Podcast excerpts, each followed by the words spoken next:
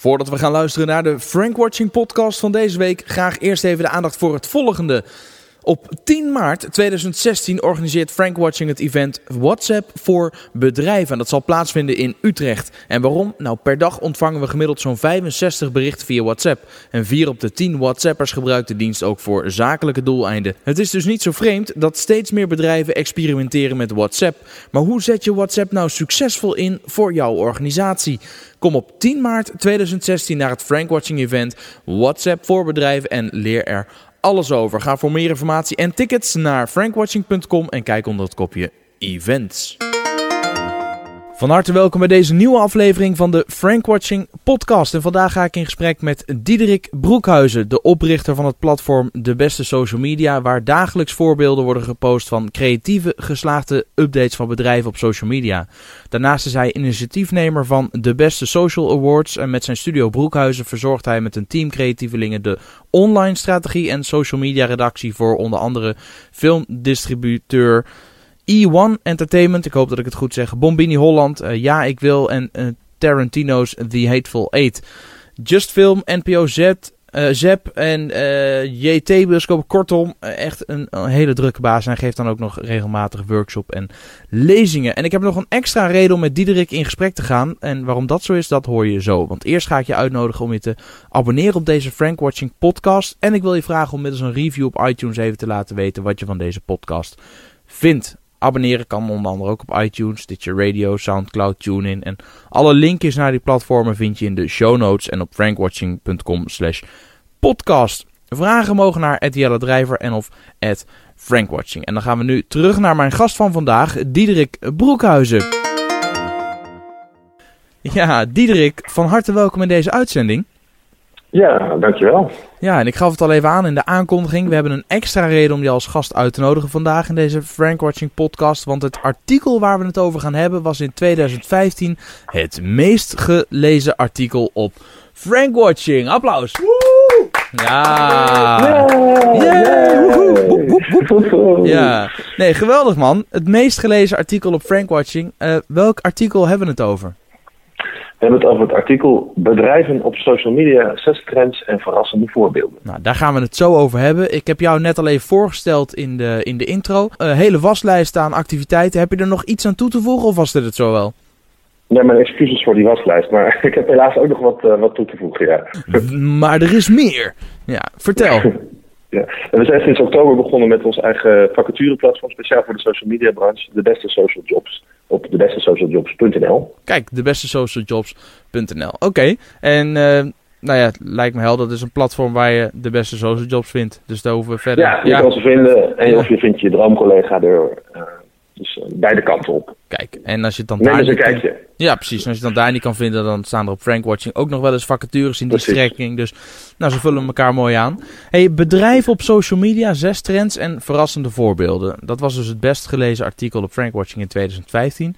En de eerste alinea luidt...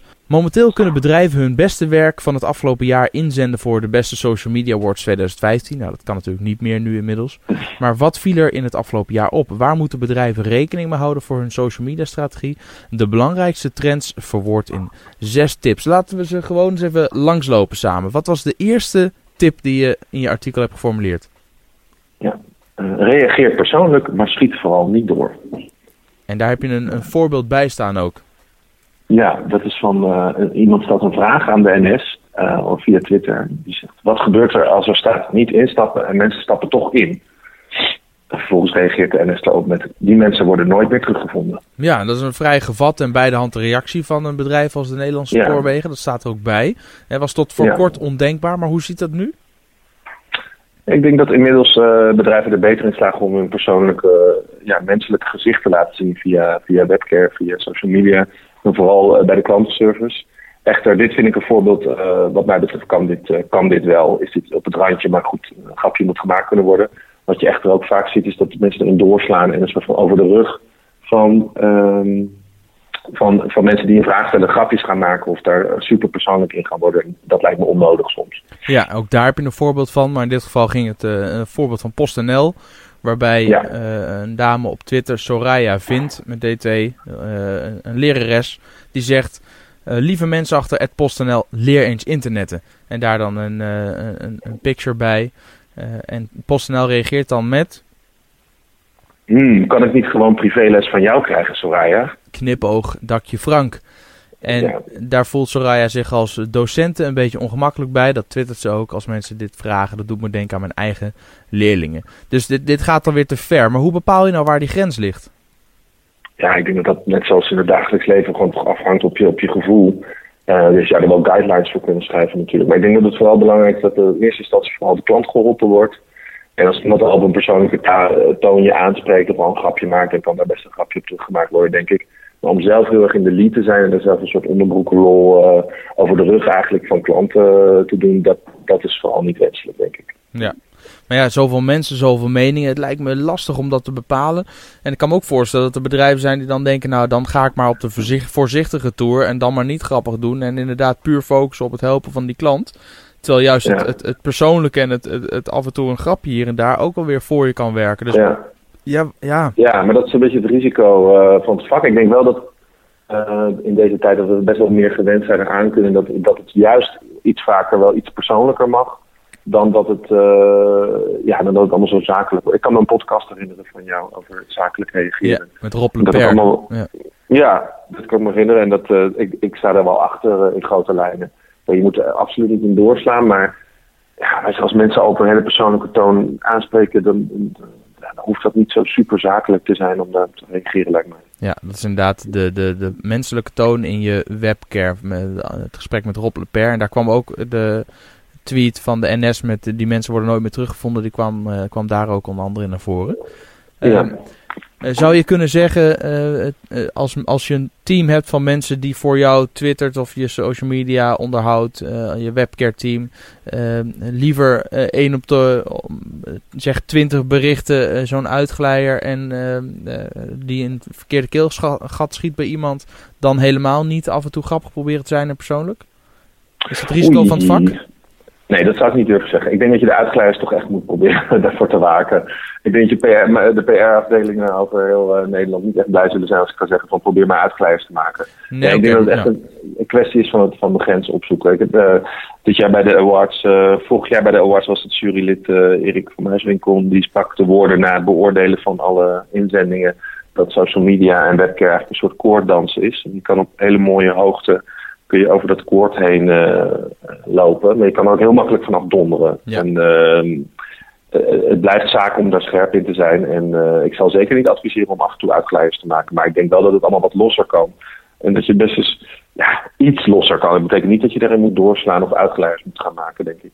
Nee, oké. Okay. Hangt ook heel erg van het product af. Ik denk dat dan, ik werk veel in de entertainmentbranche, daar kun je wat meer maken. Dan kun je een wat grotere bek hebben en dan wat meer die grenzen opzoeken, omdat dat past bij dat entertainmentproduct. Terwijl een uitvaartverzekering is natuurlijk, ja, dat ligt allemaal wat gevoeliger en daar moet je misschien wat meer oppassen. Dus dat hangt heel erg van, van het merk af en de relevantie omtrent dat merk, denk ik. Ja. ja. Oké, want je hebt bij tip nummer 2, je hoeft niet alles over je kant te laten gaan. Dat is een, een reactie van T-Mobile Webcare op iemand die zegt: Fuck jullie T-Mobile, T-Mobile, dit vertrouw ik voor geen ene kut met DT, slijmbakken en geldkloppers. Uh, waarop T-Mobile reageert met: dat is een vreemde reactie op een cadeautje. We zullen je niet meer verrassen. Excuses voor onze goede bedoelingen. Nou, hele keurig nette reactie zou je zeggen. Maar dan reageert uh, Jan Slut. Die reageert dan met... En mijn 4000 gespaarde punten, die stop je maar in de reet van je leidinggevende. En de reactie die T-Mobile dan daarop geeft, die vind ik dan wel weer hilarisch. De laatste keer dat ik een dergelijk verzoek wilde honoreren, kreeg ik een officiële waarschuwing. Dus ik pas. ja, dat vind ik heel grappig. En die denken ja. ook meteen, nou, T-Mobile scoort hiermee punten. En... Uh, Jan neem ik uh, niet, uh, niet serieus in deze. Nou, zijn achternaam is ook op zich wel dubieus. En als de mensen naar het artikel gaan, dan zullen ze ook zien dat de profielfoto ook redelijk dubieus is. Is ook dubieus. En uh, hoe die eruit ziet, vind je ja. inderdaad op frankwatching.com slash... ja, zoek even naar het artikel van Diederik. Ik ga, ik ga niet eens omschrijven wat erop staat. Ja, precies. Ja. Um, maar wat vind je hiervan, van deze, van deze wisseling? Ja, ik vind het een voltreffer. Van T-Mobile, ja, ja, die laatste. Van T-Mobile, ja, ja, absoluut. Ja, ja. heerlijk. Ja, uitgeluld. Absoluut. Maar uh, dit ga ik niet eens voorlezen. Peaches, echt dat K-kind en dan voluit geschreven van Vodafone reclame. Dat Twinkle Twinkle Little Star zingt. Krijgt een rotschop als ik haar ooit weer zie op straat. daarvan zegt Vodafone ook, dit gaat ons te ver. Ja, ja ik, vind dat, uh, ik vind het wel prettig om dat te zien. Uh, dat bedrijven dat eigenlijk, ik, dat was vorig jaar, uh, het artikel is toch alweer best wel, best wel weer lang geleden. Dat april 2015. April, ja. Maar ik denk dat dat toen gebeurde dat niet zo vaak. En ik vind het wel verfrissend dat bedrijven gewoon op een gegeven moment een grens trekken in het ja. En niet, niet al dat gescheld maar over zich heen ja, laten komen. We, hebben, we hebben ook een filmpje gemaakt dit jaar bij de WhatsApp bij bedrijven. Hun meest grove reacties via de webcam hardop zelf voorlazen. En dat, ja, en net zoals oh, bij de heb je dat gemaakt? Heb ik gezien, ja. Ja. Oh, wat goed. Uh, ja, dat geeft wel aan. Dat, ja, dat is gewoon gênant. En ik vind niet dat je dat allemaal maar hoeft te accepteren. En als bedrijf moet zeggen: nee, dan kunnen we je dan toch alsjeblieft nog helpen ergens mee. Dat ja, je, precies. Ja, nou, wat ik mooi vind aan deze is dat Vodafone inderdaad reageert met een mening hebben. Oké, maar dit gaat best ver, vind je ook niet? En eh, zij, dat meisje, reageert vervolgens ook met: Ik was gefrustreerd door het lawaai en ik heb een erg gevoelig gehoor. Sorry Vodafone, ik ben al vijf jaar trouwe klant. Sorry. Dus het, is, het draait ook bij. Is ook weer, denkt denk waarschijnlijk zelf ook: Ja, shit. Dat is inderdaad misschien een beetje over de top. Uh, je hebt ook wel gelijk, sorry. Ja, dus het haalt de angel er ook meteen uit. Precies. Onderrondjes met andere bedrijven.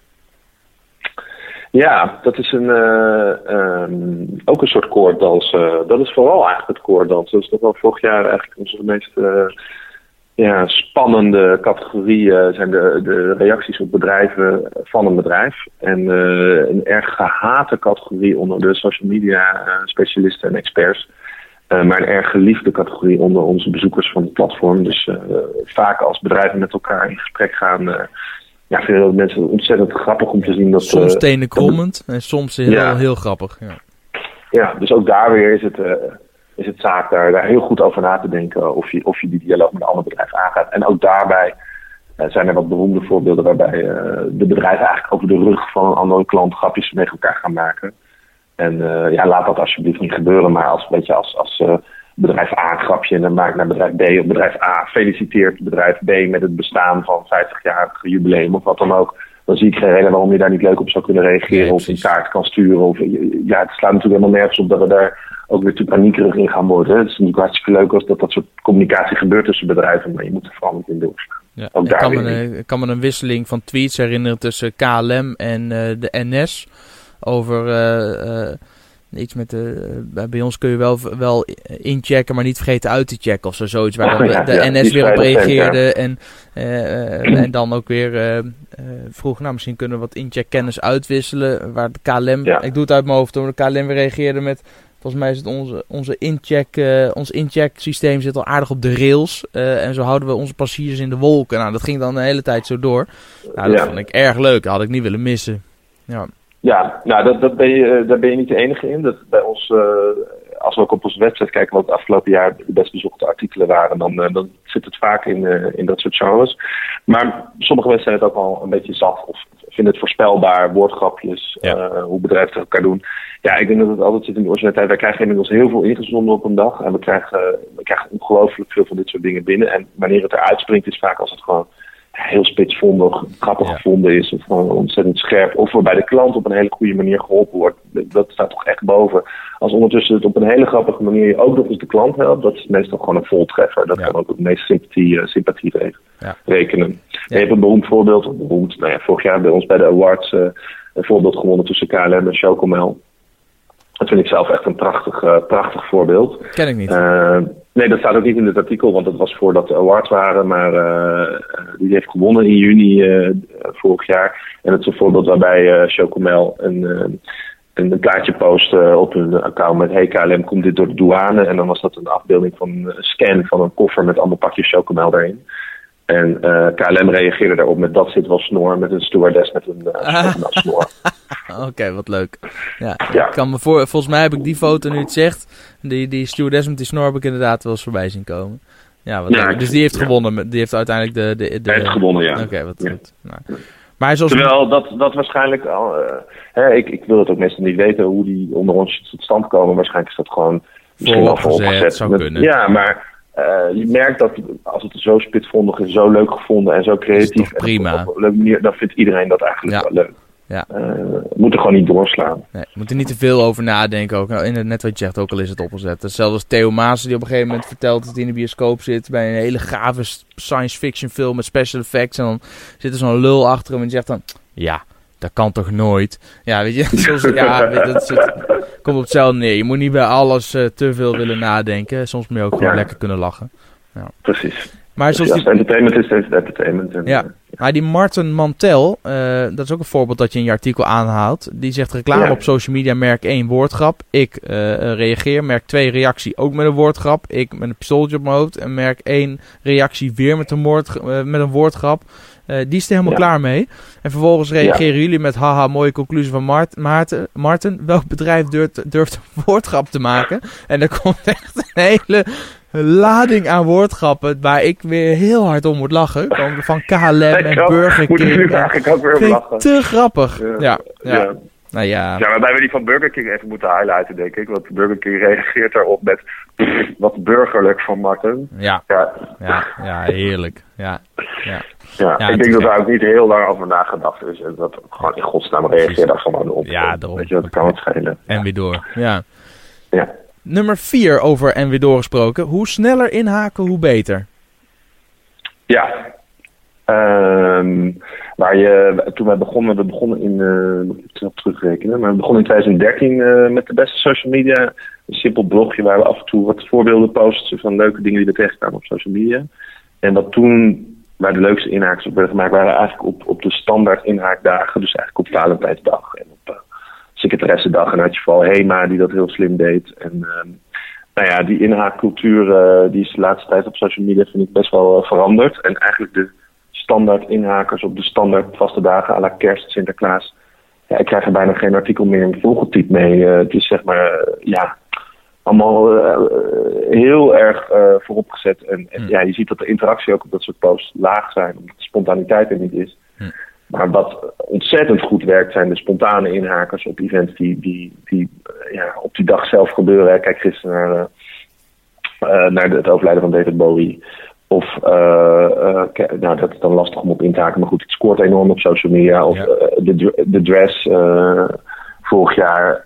of nou ja, alle dingen die een hype worden, die een trending topic worden. Als je daar als merk snel in weet te schakelen en zo snel mogelijk op weet in te haken je ziet dat dat het het beste doet bij ons. Uh, dus de, de, de, spontane inhaker is, is ontzettend populair nog steeds. Ja. Maar ook, ook heel moeilijk. Ja, ik kan me nog een aantal uh, voorbeelden herinneren. Volgens mij is het vorig jaar of het jaar daarvoor dat er even sprake van was dat er wel of geen. Dat is natuurlijk uh, elk jaar weer sprake van. Ze komt er een Elfstedentocht, ja of nee? Ja. En toen was het echt even, is het ijs nou? Hè? Toen zat Erben Wennemars nog te huilen bij Matthijs van Nieuwenkerk aan tafel dat het toch niet doorging. Maar daar waren heel veel inhakers meteen op. De HEMA bijvoorbeeld met een soft ijsje en dan bij ons altijd 15 centimeter ijs. En zo had je allerlei... Ja, ik smul daar echt van. Ik, ik vind het heerlijk. Maar sommige zijn ook echt veel te veel uitgekoud. En uh, zijn, zijn duidelijk met een inhaakkalender op schoot uh, alvast voor de rest van het jaar klaargezet. Hoeveel uh, posts wij dit jaar binnen op drie koningen met iets, met drie producten met een kroontje op hun hoofd. Weet je, ik denk wel echt, echt wel 25 keer. Ja. En uh, ja, ja, het is lastig. Uh, het is op zich, als je als, je als jezelf als social media gebruiker één keer zo'n bericht ziet, is dat prima. Wij zien de trends en de patronen erin. En uh, ja, het, wordt, het is heel voorspelbaar vaak. Ja, nou je kan je inderdaad wel afvragen, is het voor jullie irritant omdat jullie er uh, veel mee bezig zijn? Of is, en is het, of is het voor de gebruiker ook irritant en ziet hij zijn hele timeline er ook mee vol staan? Ja, nou, ik denk dat de gebruiker zelf er niet, niet, niet zo snel moe van wordt als dat wij er moe van worden. Ik denk dat dat vaak ook wel, dat is ook het spannende speelveld bij ons. We hebben natuurlijk met, uh, via de awards en er veel te maken met bedrijven die de hele dag social media maken. Maar we zien ook wat het publiek leuk vindt. En er zit toch een enorm verschil tussen. Okay. Dus inderdaad, het metaniveau van heel veel met social media bezig zijn, dan zie je ook heel veel. En dan krijg je daar weer een soort meta-analyse bovenop de meta-analyse van al dat social media gebruik. Terwijl de normale gebruiker, ja, die gebruikt van social media en die ziet al die trends natuurlijk minder en stoort zich daar ook minder aan ja. Ja. dan dat wij dat doen. Oké. We zitten inmiddels al, we hebben een tijdje geleden ook via social media, via Twitter, een, uh, een korte enquête gedaan, een poll. Of mensen uh, vinden dat de podcast zo ongeveer 20 minuten moet duren, of dat die gewoon zo lang moet duren als dat ik leuk vind. Ik dacht namelijk, ja, zolang als het interessant is, kletsen we gewoon door. en toen zat ik in een blab van Frank Watching en daar was een, een podcast, een podcaster uit Amerika en die zei, nee, 20 minuten is echt gewoon absoluut veruit eh, eh, de ideale eh, tijd voor een podcast. en toen, ik dacht, geen aannames, we gaan het gewoon vragen. En toen bleek inderdaad dat zo'n 75% of zo inderdaad die 20 minuten aantrekkelijker vond dan een uur en een kwartier. Dus dat gezegd hebbende, we sturen nu meer aan op podcasts die zo 20 tot 30 minuten duren. En ja, uh, daar zitten we alweer bijna aan. Dus ik ga gauw door naar punt nummer 5. Zorg dat je uitingen visueel aantrekkelijk zijn. Ja, dat is makkelijk gezegd. Ja, ja wat moet ik er nog aan toevoegen? Ja, hoe zorg je nou dat, dat, ze visueel aantrekkelijk... Wanneer zijn ze visueel aantrekkelijk bijvoorbeeld? Nou ja, uh, laten we in ieder geval iemand naar kijken die oog heeft voor design. Uh, laat je huisstijl erin terugkomen. Uh, zorg misschien voor, voor herkenbaarheid. Hè. Dat hoeft niet altijd in een logo te zijn of een kader, maar laat dan bepaalde kleuren terugkomen. Of ja, zorg ervoor dat de afmetingen in ieder geval goed zijn. Dat is al een basic. kijk, elk social media platform heeft andere afmetingen. Van mensen die plempen er eigenlijk maar alles op wat ze, wat ze zien en wat ze interessant vinden ja, ik denk dat daar een enorme winst valt te halen door gewoon kritisch en goed te kijken naar het design van die social media. En dat is eigenlijk elk jaar weer een trend. Ja, de, de, social media wordt steeds visueler en, en beweegt nu ook nog eens erbij. Ja, ja.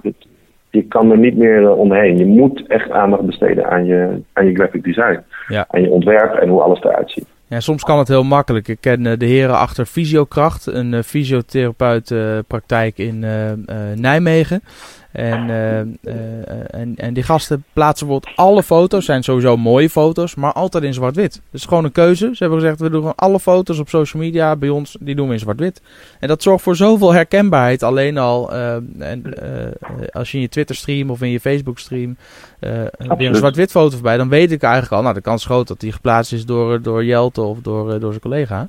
Ehm, maar je moet dus voor de grap naar de Instagram of Facebook accounts van KLM en Heineken kijken. Want alles is bij KLM blauw en alles is bij Heineken groen. Ja, zonder, zonder dat dat altijd allemaal met een logo is. Ja, altijd. Die kleurcombinatie. Ja. ja. Oké, okay, zes is je laatste punt. En dan gaan we naar de drie vragen. Denk ook aan gesloten social media. Voor de luisteraars die denken, gesloten social media. Waar hebben we het dan over?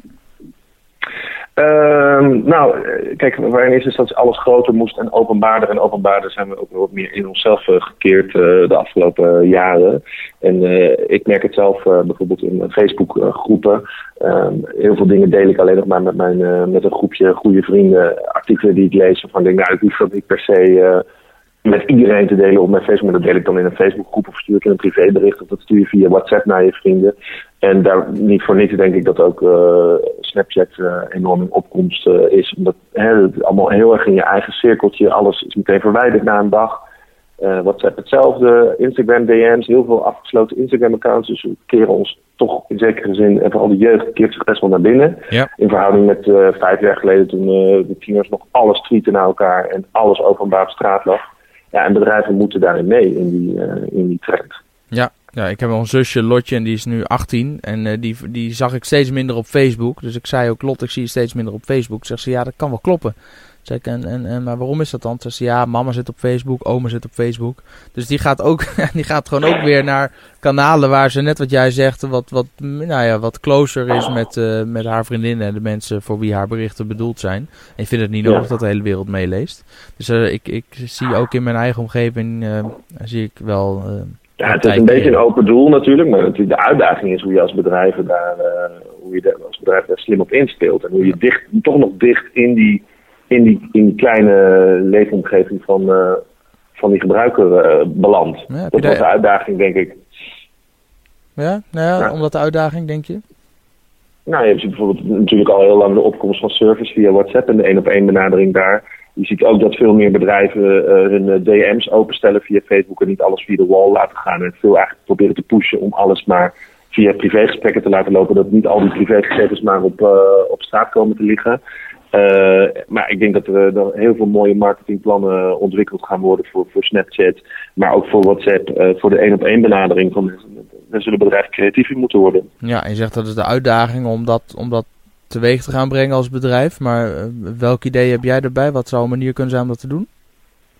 Nou, ik denk dat het leuke aan Snapchat is dat het dus uh, heel moeilijk is, volgens mij onmogelijk nog steeds, om, uh, om content up te laden. Dus je zal alles live moeten doen. Dat betekent ja. dat je ook echt, echt erover na moet denken en dat je backstage in je bedrijf moet. Voor de bedrijven heel erg eng. Maar ik weet niet wat je anders op Snapchat gaat posten. Dat is dan een, dat is de uitdaging. Dus je ziet er hele leuke voorbeelden van. Ik zelf Stedelijk Museum heel leuk op, op Snapchat bijvoorbeeld. Die posten af en toe wat foto's van, van een collectie met hysterische teksten daarop op hun Snapchat. Maar ja, dat is wel, ik ben heel erg benieuwd wat de komende jaren er allemaal aan Snapchat-campagnes ontwikkeld gaat worden. En hoe bedrijven zichzelf durven open te stellen voor dat medium. Dus, ja. Uh, ja. Nou, ben ik ook benieuwd. Uit. Ja, nou, ja. we gaan het zien. En wellicht dat we daar dan over één of twee jaar nog eens een keer over in gesprek gaan samen. Uh, tot zover in elk geval dit artikel. Dan heb ik nog drie vragen die ik altijd stel. Uh, de eerste vraag die ik je ga stellen is: heb je nog een, een, een tip of een boek, een, een aanrader van een boek waarvan je zegt dat moet je echt gelezen hebben? Ja, uh, dat is Present Shock. Present Shock? Een, ja, dat is een, uh, een boek van Douglas Rushkoff, als ik het goed uh, uitspreek. En um, dat gaat eigenlijk over de Present Shock waar we nu in zitten. Dat is een vervolg op een eerder boek, dat heet de Future Shock. Maar hij zegt dat die Future Shock voorbij is en dat we eigenlijk nu in de toekomst beland zijn. En dat, dat zorgt voor een, een, een shock op ons allemaal. Namelijk langzamerhand beseffen we ons dat we in een digitale tijdperk leven. En daar moeten we ons aan aanpassen. En uh, dat is heel lastig. En het is een ontzettend interessant boek en het zal je ook heel erg verwarren. Maar uh, uh, nee, echt een aanrader voor mensen die iets over het nu willen lezen. Ook al is het een boek uit 2013, is nog steeds super relevant. Oké, okay, nou die gaan we zeker bestellen en, en lezen. De dolle boeken. Anders stel ik ja, de vraag ook niet. Een zeer, zeer, kritisch, art, zeer kritisch boek ook over de huidige Okay. Misschien goed om te vermelden. Ik zeg al, ik ben dol op boeken. Ik vraag altijd wel naar die boeken. Maar uh, op jellendrijver.nl slash boekenlijst uh, kun je een overzicht vinden van alle boeken die ik zelf uh, gelezen heb, die ik leuk vind. Maar ook alle boeken die in deze podcast inmiddels genoemd zijn. Dus als je ook net als ik van lezen houdt en eens wil kijken welk boek kan ik nog bestellen, wat is een aanrader, ga eens naar jellendrijver.nl slash boekenlijst voor een overzicht ter inspiratie. De volgende vraag. Uh, heb je ook een favoriete quote? Zo eentje die je aan de muur kunt hangen waar mensen inspiratie uit kunnen halen? Nou, gezien het tijdsgesprek uh, gebrek denk ik dat we deze vraag kunnen overslaan. ik heb niet echt... Uh, ik wou er eentje doen van bereik... Nee, dat is helemaal niet waar. Want je zei in bereik, het voorgesprek, zei ja, al, ik, haat quotes. Zei, ja, ja maar daar wou ik een cliché quote doen. Dus ik wou ja? zeggen, bereik kun je kopen, maar interactie moet je verdienen. Oeh, nou, hey. hè, die nemen we mee. We gaan er daar en, en, en door naar de volgende. Oké. Okay. Uh, ben je nou zelf op social media wel eens uh, op je bek gegaan en heb je daar iets van geleerd wat je met ons wilt delen met de luisteraar van Frank Watching uh, om te voorkomen dat zij dezelfde fout maken? Nou, het is niet per se op social media, maar over het algemeen denk ik met het platform de best social media dat is heel erg ontstaan vanuit een idee en vanuit een enthousiasme. En uh, dat is hartstikke leuk. En dan moet, uh, iedereen moet ook ideeën uitwikkelen. Maar ik denk dat je ook goed moet beseffen dat, uh, voor, dat de schoorsteen moet roken. En het is heel leuk om heel lang aan, aan, aan dingen te trekken. Maar hoe langer je dat doet en hoe meer je van andere mensen aan vraagt, op een gegeven moment gaat dat mis. Dus je moet er toch een soort plan voor hebben. Okay. en ik ben zelf heel erg maar gewoon begonnen en we zien wel waar het schip strandt. En dat, daar ben ik ook heel blij mee, want dat gaat hartstikke goed. Maar ik ben ook wel achtergekomen dat, je, dat dingen op het internet lijken allemaal maar gratis. En je kan heel veel mensen verwachten. Maar op een gegeven moment moet er ook iets voor terugkomen. Dus je kan maar beter goede plannen maken en goed bedenken wat je verdienmodel is. Um, voordat je maar eindeloos. Uh, het is goed dat ideeën ontwikkeld worden, maar ja, bedenk ook een beetje naar het commerciële plaatje en vooral het realistische plaatje. Hoe ga je dat dan precies doen? Hmm. Hmm. Oké, okay, nou ik wist, dit, dit, wist niet dat dit ging komen, maar ik zal er eens over nadenken. Misschien Frank Watching hier ook niet heel blij mee is. Want dit is ook echt, deze podcast vind ik te gek om te maken. Is echt super leuk om te doen.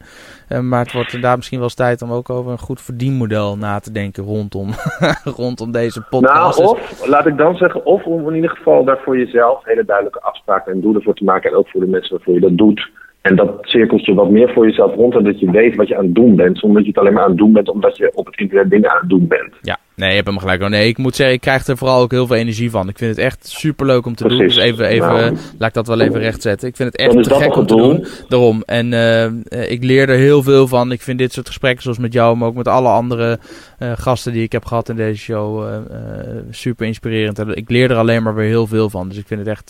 dus dat is voor Nee. mij al, dat levert het, dat, dat levert het op. En, dat is eh, ook het belangrijkste. Dat is ook het belangrijkste. Alleen, eh, het gaat mij meer om dat er heel vaak vage afspraken tussen mensen op internet eh, worden gemaakt, vind ik. Ja. En ook omtrent social media. Ook over het gebruik van rechten, materialen, foto's, video's, websites. Dat is Ja. allemaal zo'n sche schemergebied. Ja. En, eh, en ook hoe we daarmee omgaan, hoeveel we werken, hoeveel we 24-7 maar beschikbaar zijn. Het mag allemaal wel wat gestructureerder. Dat, Ja. dat dan, eh, nou, laat ik dat dan als, eh Als, als, eh, payoff zo aan het einde van deze Frank Watching podcast.